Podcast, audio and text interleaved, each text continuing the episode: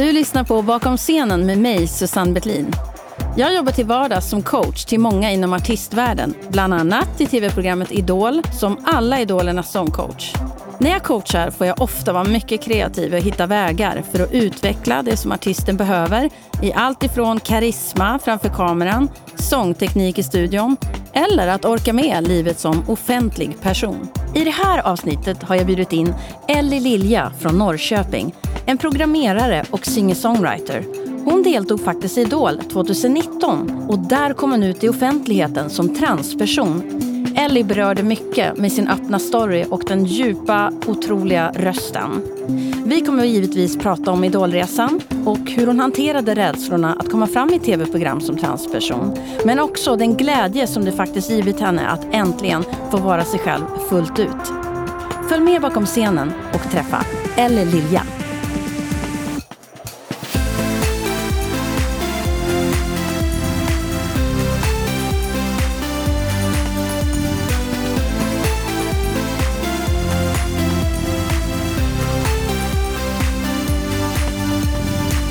Välkommen Ellie! Hej! Hur mår du? Jo, det är ganska bra. Jag eh, har känt mig lite trött på sistone för att jag inte sover som jag ska. Och jag jobbar, vilket jag inte är van vid.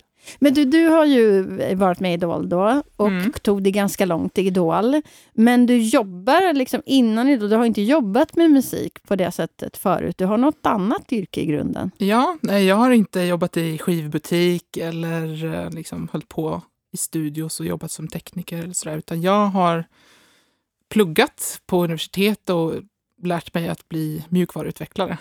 Oj, vad innebär det? Så jag gör appar och hemsidor och allt sånt där som man använder och surfar in på, använder appar och Framtidens eh, och Precis. nutidens. Ja, så det är ganska nytt. Jag flyttade ju hit till Stockholm i mars. Ah, okej. Okay. Så, eh, väldigt... så, du har en ny typ, du har en tjänst efter att du gått klart utbildningen? Ja. Ny stad, nytt jobb och ny lägenhet. Allting. Oj, det är mycket förändringar på en mycket gång. Mycket som hänt sen efter höst och Idol. Jag tänker så här, när jag träffade dig första gången, då var jag eh, i Grekland på en liten plutteö. Eh, en ö som heter Skiatos, eller Skiatos, där man spelade in Mamma Mia-filmen, den första i alla fall och hade lite camps och var med massa folk som sjunger och folk reser ner och tränar med mig där på den där härliga, otroliga ön måste jag säga. Och då var det en liten krog där de hade livemusik där jag kände den här, det är greker som sjunger otroligt bra. Eh, och då eh, brukade jag gå dit på kvällarna liksom och lyssna på dem. Och då sa de, ah, vi hade en eh, en tjej som gästade, hon var så sjukt bra och så en djup, mörk röst. Det var så här väldigt speciellt. Liksom. Eh, vi, vi har sagt att hon måste komma hit igen, så du måste komma och lyssna. Liksom. Så du ska få höra. Du måste göra något med henne i Sverige. Jag bara, okej, okay, okej, okay, jag kommer och lyssnar. och där var du med ja. din mamma. Ja, mm. precis. Så jag tror att det var det var det året eller året innan som morsan sa, men ska du inte hänga med ner till Grekland? Så, för jag ska ha semester och jag tänker inte vara i Sverige när det är tråkiga somrar, så du kan väl lika gärna hänga med, för då jobbar ju inte jag. Ja. Så jag behövde inte tänka på att söka ledighet och jag studerar inte heller längre. Så jag tänkte jag, men jag hänger med. För eh, jag skulle också behöva lite semester tänkte jag. Så vi åkte ner och eh, någonstans där på huvudgatan som finns i stan så såg vi en skylt om musikbar.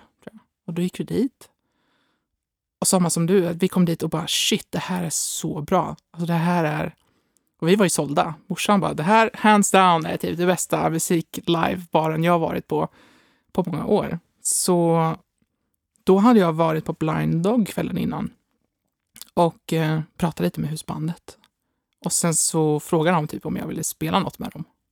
Och så gjorde jag det. Och sen efter det så så liksom gick vi till Tesla och då hade de på något sätt hört tror jag att jag hade varit på Blind ja, Dog. Tesla är, den här, Tesla är en av de ja. musikbarerna. Det finns två stora Precis. där på den där lilla och då var det där vi träffades. Så då hamnade jag där också på scen eh, och hade det jätteroligt och eh, de tyckte det var skitkul att jag kom dit.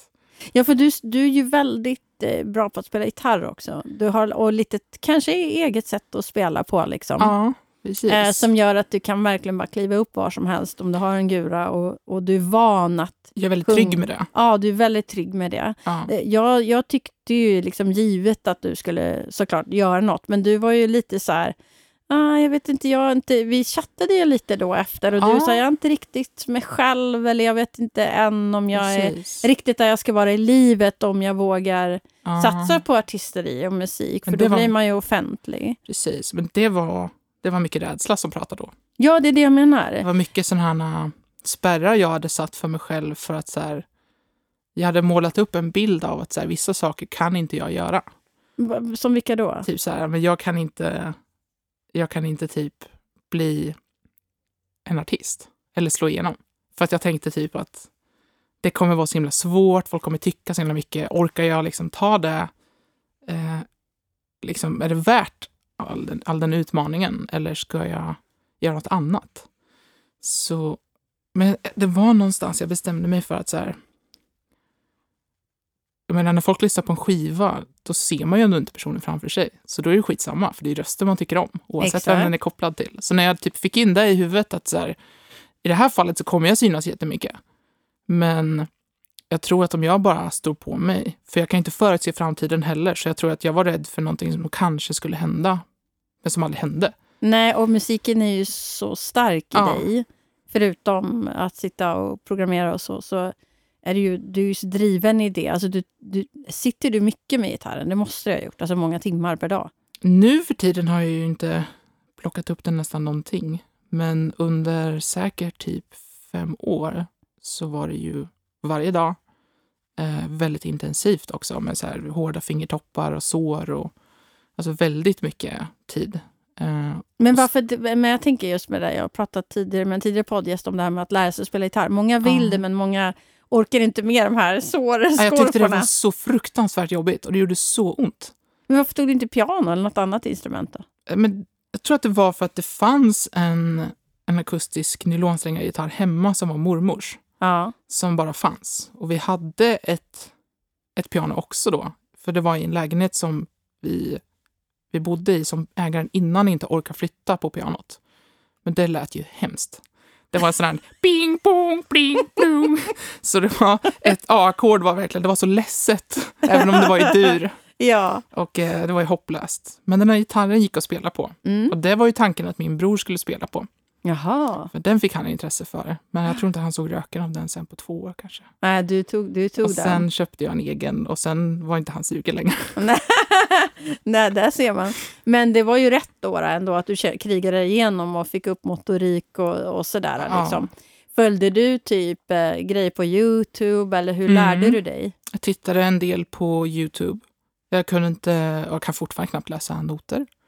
Men jag lyckas läsa tabulatur-notering i liksom, det här är vilket, vilket band ska jag hålla, vilken sträng i Mm. sifferrepresentation. Ja. Så det var så här, okej, men när jag lärde mig det så kunde jag förstå att så här, om jag tittar på den här texten så, ah, men då är det ungefär som att man ser fingrar på pappret, liksom, beroende på vart du ska hålla.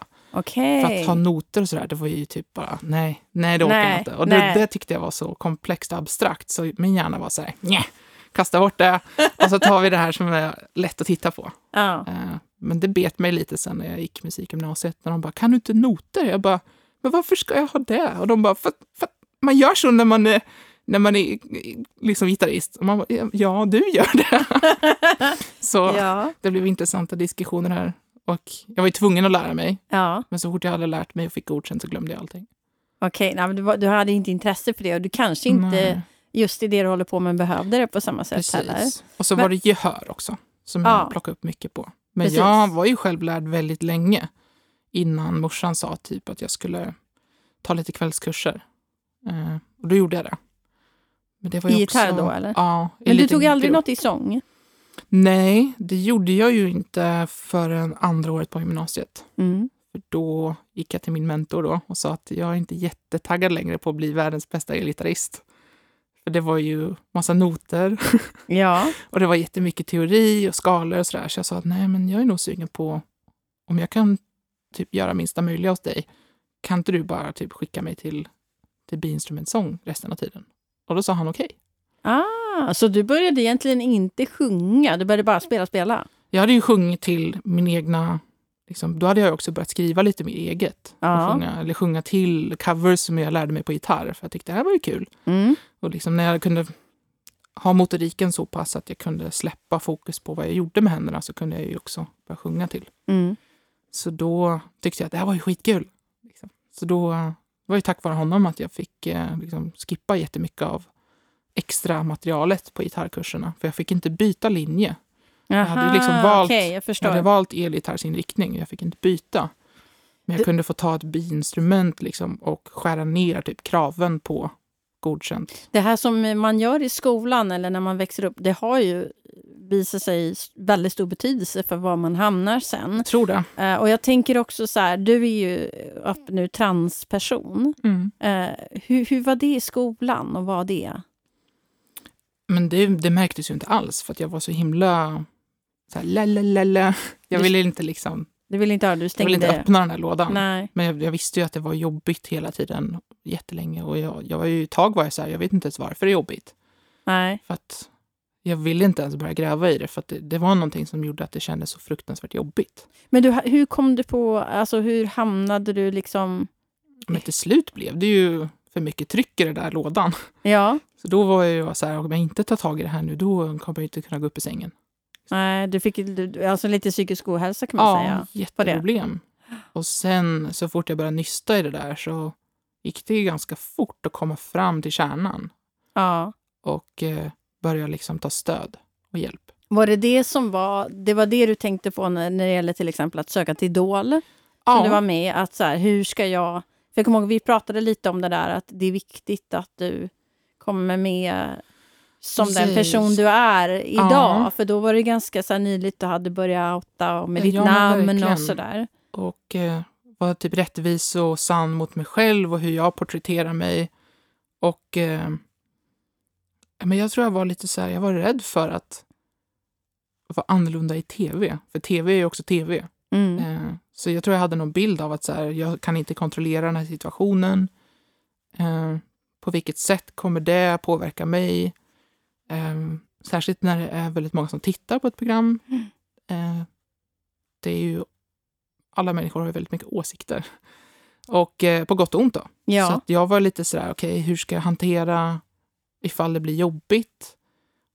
Och, men jag tror jag tänkte också så här, jag ska inte ens behöva tänka på det här. Jag kommer ihåg när du, vi pratade ju mycket då under den perioden så här, det här är också starkt att du går ut, för du hjälper ju också andra i, som kanske är yngre eller i samma situation, att Ja. våga följa sina drömmar, att vara sig själv och att det är inget konstigt att vara en transperson. Precis, så jag tror jag gjorde det dels för mig själv men också en av de grejerna jag höll fast vid var ju precis det som du sa. Att eh, det är inte bara för mig själv.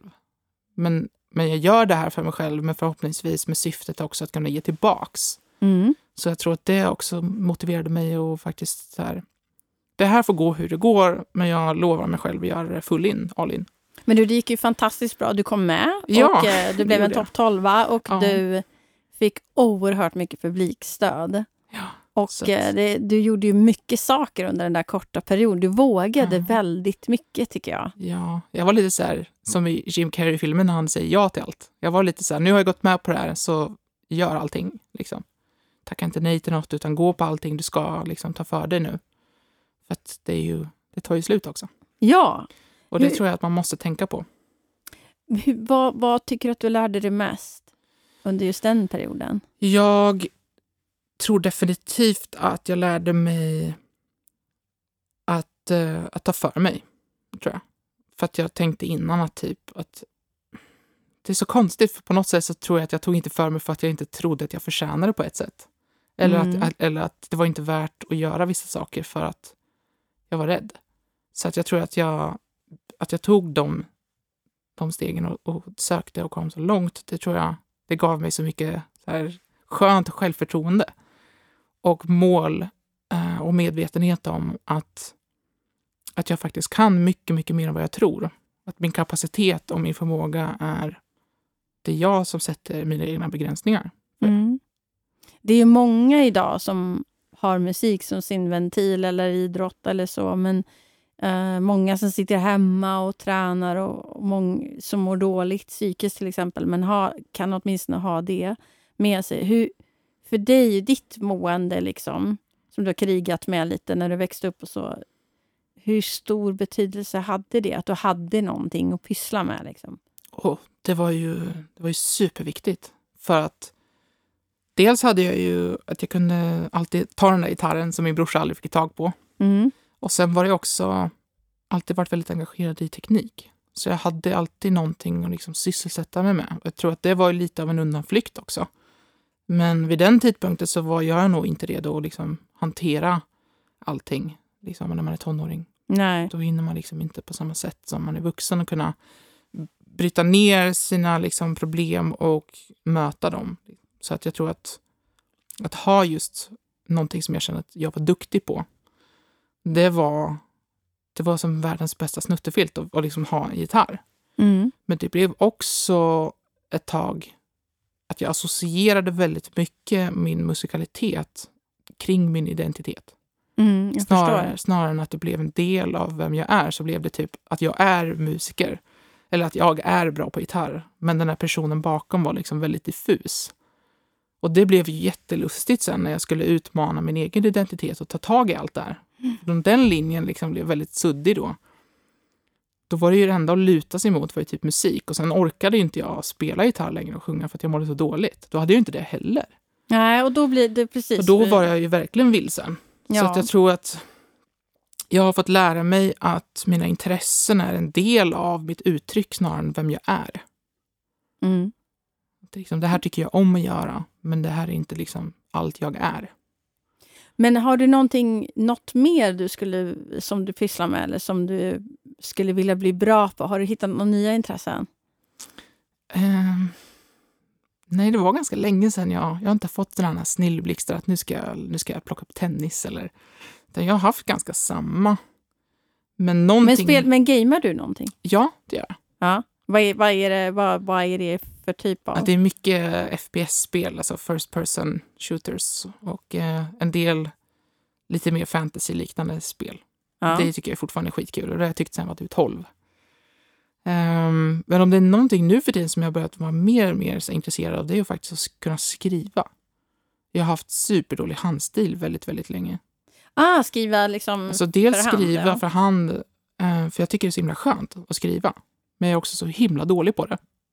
Så det är någonting som jag tänker så här, fan, det vill jag ju vara bra på. Vet du, ett tips som jag kan ge, som jag gjorde, min son hade väldigt konstigt grepp när han var liten. Och det var jobb, Han fick typ kramp när han skulle skriva. Mm.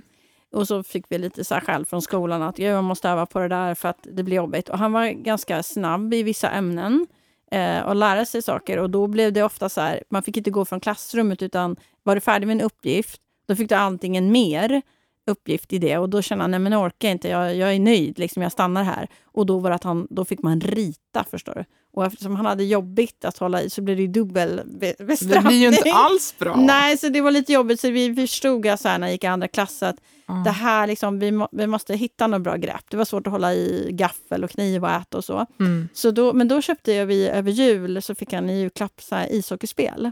Mhm. Det var så här riktigt gammalt ishockeyspel. Ja, med sådana... Ja, när man drar fram Ja, och precis. tillbaka och vrider så här, ganska Ja. snärtigt snabbt. Så vi höll på med det där Ja. frenetiskt hela julen. Så kom jag tillbaka till skolan och så säger de men eh, oj vad ni har tränat på att skriva. Nu har han perfekt handgrepp. Och jag bara, va? Okej. Vad konstigt det här var. Så kom jag på det där, men gud vi har ju Ja. spelat de här Det spelen. är jättemycket muskler i fingrarna. Jajamän, och då har vi hållit på med det. Mm. Så det är ju också så här ett tips om man, eh, att det finns ju andra sätt att öva upp motorik liksom, Ja. med någonting annat som man tycker är kul. Ja. Ishockeyspel. Precis. Skulle du kunna jag tänka skulle att kunna tänka mig, och bara grannarna kommer och vad är det som fipplar och håller på så här plastbollar, alltså någon som svär och så här, undrar liksom. Men har vi, jag har ju frågat andra poddgäster om deras emotionals. Liksom. Hur blir du när du är så här irriterad eller arg eller vad blir du? Liksom? Ehm, När det går emot dig saker och ting. Jag blir inte utåt sett jättesur ibland. Det jag hatar dock är typ så här stubba tår på typ kanter och soffor och sånt. Då, då blir jag jättearg. Eller sådär. Men annars, utåt sett, jag, jag blir inte så himla påverkad så. Men Nej. något kan jag vara ganska, bli ganska besviken tror jag. Aha. Här, Men är du liksom, har du lätt så för, nya, för nya människor, för nya sammanhang, Ja. för saker? Väldigt tål, högt, högt tålamod. Ja, men det är ju superbra. Så att det där hockeyspelet ska nog gå. Ja, men när du tänker framåt nu då, Ja. vad känner du att du skulle vilja liksom... eh, Vad skulle du vilja göra? Om, för nu har du, du har liksom påbörjat din karriär, du har kommit ut som transperson, du har gjort, flyttat, Ja. du har gjort många olika saker. Blivit liksom. nyanställd och allt liksom på en Bor gång. i Stockholm, huvudstaden. Vad, vad finns det för drömmar? Alltså jag vill, jag vill hoppa runt i Stockholm i massa roliga studios och lära känna folk. Och jag vill lära mig att skriva som sagt, men också utnyttja det för att kunna bli en bättre låtskrivare. Det är någonting som jag tycker är nästa mål för mig. Att lära mig skriva på ett sätt som berör. För jag tror att jag har nog haft liksom i och med att det har varit så jobbigt också så har det, när jag har skrivit texter ibland så inser jag att de blir inte så himla djupa och meningsfulla. För att det blir ibland för tufft. Att säga, man vill inte dela okej. för mycket. För att jag redan tycker att det blir så här, så det blir som att peta på ett blåmärke lite. Mm. Så jag tror jag måste släppa på det lite och liksom bearbeta färdigt vissa saker som jag kanske inte, som på nytt kanske öppnades efter Idol. Alltså Mm. perspektiv och händelser. Och jag tror inte riktigt att jag har gjort det än som gör att just nu så sitter jag lite fast tycker jag. Men är det overall så här ändå bra so far? Alltså alla erfarenheter du har fått? Ja, superbra. Men jag vet inte riktigt hur jag ska handskas med efter Idol. Nej. Hur jag ska ta vara på det. Och också kanske att jag ställer lite för höga krav på mig själv. Men, tro, men jag har, det, är det, har det bara med det att göra eller har det med din historia att göra? Att du också har lite bytt identitet kan man Jag säga. tror att det är en blandning av att så här, inte riktigt... Men att jag har lite att ta ikapp. Mm. Det är Så det jag kan tänka. En del av de här tidiga vuxenåren, liksom inom, mellan 20 till 25 typ, de tar jag nu typ. Mm. Så att mina 25 till 30 är ju typ vad jag skulle säga andras typ tidiga ungdom. Alltså när man är vuxen. Ja. För det är nu jag har typ flyttat till en egen stad och ut, liksom, nytt jobb och liksom hela den saken. Eh, så jag, jag tror jag har lite att ta ikapp också. Mm. Men det får ta lite tid. Men jag vill heller inte liksom fastna. För att jag har ju kommit så pass långt också. ja, jag tycker du gjorde det oerhört bra. Du var väldigt stark tycker jag Ja. som, som vågade så mycket. Och framförallt också med din, med din story och din bakgrund. Det är så himla viktigt. Liksom. Att vi kan vara öppna om allt och att alla får vara Mm. de de är. Ja. Eh, Så, och som du sa, med din röst också, att det är den man ska lyssna på. Liksom. ja, Att man är en person, oavsett hur man är. Precis. Har du andra kompisar i musikvärlden som är till exempel transperson? Eh, nej, det tror jag inte. Nej. Nej. Men det är Så- ganska coolt att, det ändå, att du ändå liksom känner dig, alltså att du vågade och att du är den som går lite i bräschen, tänker jag. Men jag hoppas verkligen att det gjorde någonting för andra som kanske, liksom, även om de inte söker till just ett tv-program, att de säger men fan jag ska typ fråga den här baren om jag kan få köra någon fredag. Liksom att de kanske gör någonting för sig själva eh, som de kanske annars inte skulle ha gjort. Det är väl min förhoppning. För det ger ju så himla mycket för att stå på scen. Ja, Och det är så roligt. Eh, om du får så- drömma om en scen, vilken scen skulle det vara då? Alltså vilken typ av scen? Ska det vara mycket människor? Ska det vara, alltså vad tänker du? Ja, jag tänker typ stor, mellan, mellan stor till stor scen. Men kanske typ 500-600 pers. Okej. Mm. Typ så mycket. de flesta som söker till eh, olika så här, program, då, de, eller som vill bli stjärnor som jag träffar i mitt jobb som coach, de säger ofta att de vill stå på någon jättestor scen utomlands med så här, miljoner människor. De satsar Mhm. väldigt så här, jag vill bli nästa Beyoncé kombinerat med Adele och eh, typ eh, Jessie J. Det är svårt att vara alla de tre. Ja, det är det jag menar. Men det är ganska Ja. vanligt. De har väldigt stora planer. Så det är coolt att du tänker någonting annat tycker jag. Men när jag tänkte på scenen i huvudet så tänkte jag ju nog inte en svensk scen. Okej. Inte i alla fall den, den scenen jag hade i huvudet. Nej, vad häftigt. Det var nog kanske lite mer Europa någonstans.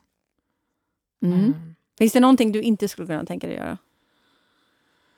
Eh, då ska vi se. Musikaliskt sådär. Jag är inte jättesugen på typ att göra en musikal. Okej, Eh, varför då? Eller typ opera. Det är inte riktigt heller. Jag vet inte. Det är, det är nog för att jag är ganska trygg med ett instrument eller få stå och sjunga, men så fort det blir skådespel också, där är jag, men det är nog för att jag är rädd också. Men jag är inte så här, jag, jag skulle kunna tänka mig prova. Ja. Men det är också, också så här, nej, det är läskigt. Ja. Men finns det något du ska göra? Nu är det ju coronatider när vi Ja. spelar in den här podden, men finns det någonting eh, du har som du ska göra framöver, som du ser fram emot? Ja, studio och skriva eh, låt med en, en kompis jag lär känna sen Mm. jag flyttade hit. Det var ju hela min poäng också, dels att kunna flytta hit. Eh, för efter Idol så var det så här, nej, nu ska jag till Stockholm och sen så, just det, bostad ska man ju ha också. Ja. Så jag bodde inneboende hos min mor ganska länge. Sen, eh, sen när jag liksom fick mitt egna, då var det ju mitt i mars och då kom ju alla restriktioner och corona. Så jag har inte riktigt fått liksom lära känna den här stan och inte riktigt kunnat vara ute och kolla vad finns det för musikklubbar och barer eller vad finns det för liksom konsertområden och sådär. Så jag har inte... Nej, Liksom vi får ju se vad som händer då. Men du känns som så här, det är roligt. Eh, Du har liksom öppnats upp för, för svenska folket. Det gick bra och Ja. du fick mycket röster och du kom en, en bra bit ändå mm. i Idol då. Och nu, och nu liksom väntar det lite grann vad som ska hända. Man säger att många oftast eh, blir lite deprimerade efter den här bubblan. Det Eh, skulle om jag nog säga att det var. Ja, Alltså, det, det var verkligen så här, jaha, vad gör jag nu då? Och sen så har man inte kunnat träffa någon nästan. Varit väldigt så isolerad för att ny i stan, man får inte riktigt, man vill inte smitta någon med corona. nej. Ehm, så jag har försökt att liksom hålla, okej men nu är jag ju hemma själv och har massa tid och då, då tänker jag så här, ja, men då borde jag ju sätta mig och skriva eller spela in och så blir det nästan som att det blir massa måsten som tar bort den där lilla glöden av att det är roligt att göra. Mm. Ehm, Hur mycket tid tar ditt jobb som du det tar med nu? jättemycket tid just nu. Ja. Ehm, så det är klart, det är också en prioritering. Mm. Då får du försöka så här, när du har lite tid över. Ja, Ja, men då har jag också varit så trött. Mm. Jag har inte varit van att jobba. Jag var ju ganska, alltså innan Idol, det var ju liksom sjukskriven, ehm, jobbade inte, jättemycket problem. men, men, men, men hur kommer det sig? Ehm, nej, men jag mådde ju väldigt dåligt. ehm, och det är också en jättestor omställning i kroppen att byta det primära könshormonet också. Okej. Det är mentalt det är en väldigt stor omställning. För hjärnan hakar ju bara på. Liksom. Den lyssnar Ja. på signaler. Så att den Men hur går det till? Tid, liksom. Hur går det till när man gör det? Det beror ju lite på. Men eh, det kan ju vara liksom att man får, liksom man får utskrivet liksom, hormoner. Då. Mm. Och det kan ju vara antingen typ sprutor eller så kan det vara tabletter eller gel eller plåster. Mm. Liksom. Det beror lite på vad man har för eh, vad man har för typ av kropp och liksom, om du har känslighet för vissa kroniska sjukdomar så kanske Mm. får andra sätt. Liksom. Men det, det, det är ju ingenting som går på en vecka. Liksom.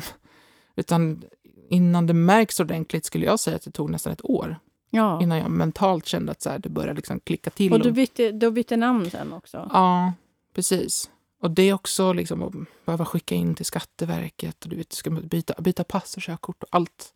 Det är mycket så här by- byråkratiskt som bara tar så mycket energi. Mm.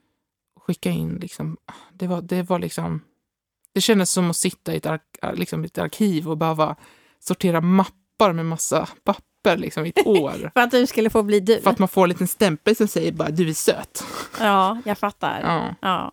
Men eh, skönt ändå att du kom igenom det och det är Ja. mycket som har hänt. Du kom en bra bit på vägen och jag Ja. tycker ju du är en sån stor förebild för alla som, som kanske vill göra den här förändringen också. Att Ja. våga och att det går bra. Liksom. Precis. Och att det finns mycket stöd och det finns mer acceptans numera Jag i tror samhället. att jag förstod nog inte hur pass mycket folk bara inte bryr sig om det. Utan det är mer så här, jaha, det är väl bra för dig, typ, men du är underbar. Ja, Alltså, exakt. du är underbar Det är som mer du som är. att så här, när någon bara, men jag har ADHD och då kan det vara så här, ja men då vet jag det, men det påverkar inte min syn på dig. Och jag trodde väl att någonstans var det så här, som en stor grej. Fast egentligen så är det många som bara, ah, coolt. Det är jättehäftigt. Det, det, var, det var coolt. Och ta mycket stöd, det hjälpte också. Mm. Att faktiskt göra det. Så att, Men du, det blir spännande att se eh, vad som händer. Vad som, att kanske få höra någonting så småningom som du skriver Ja, jag på. hoppas verkligen Ja. det. För att jag känner att jag vill, men också har det, har varit att det sitter lite fast. Jag måste få liksom badpropps, proppen ur badkaret lite och komma igång. Ja.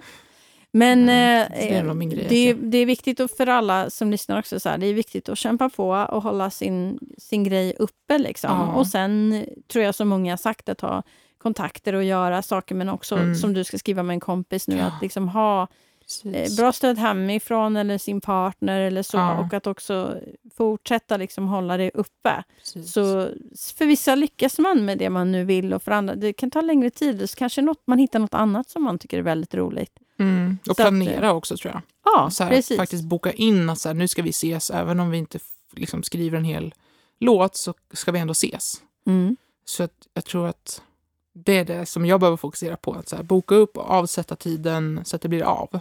För det kommer också göra att jag blir så jäkla mycket taggad tror jag.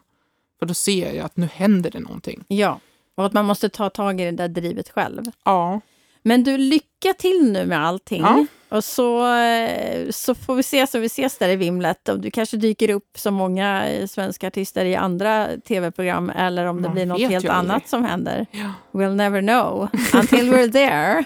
eller ja. hur? Så Men du- syns vi och hörs. ja, ha det gott. det Tack gott. så mycket att du kom. Du har lyssnat på Bakom scenen med mig, Susanne Bettlin. Podden där du får en inblick i arbetet bakom och med en artist. Ha det bra nu tills vi hörs i nästa avsnitt.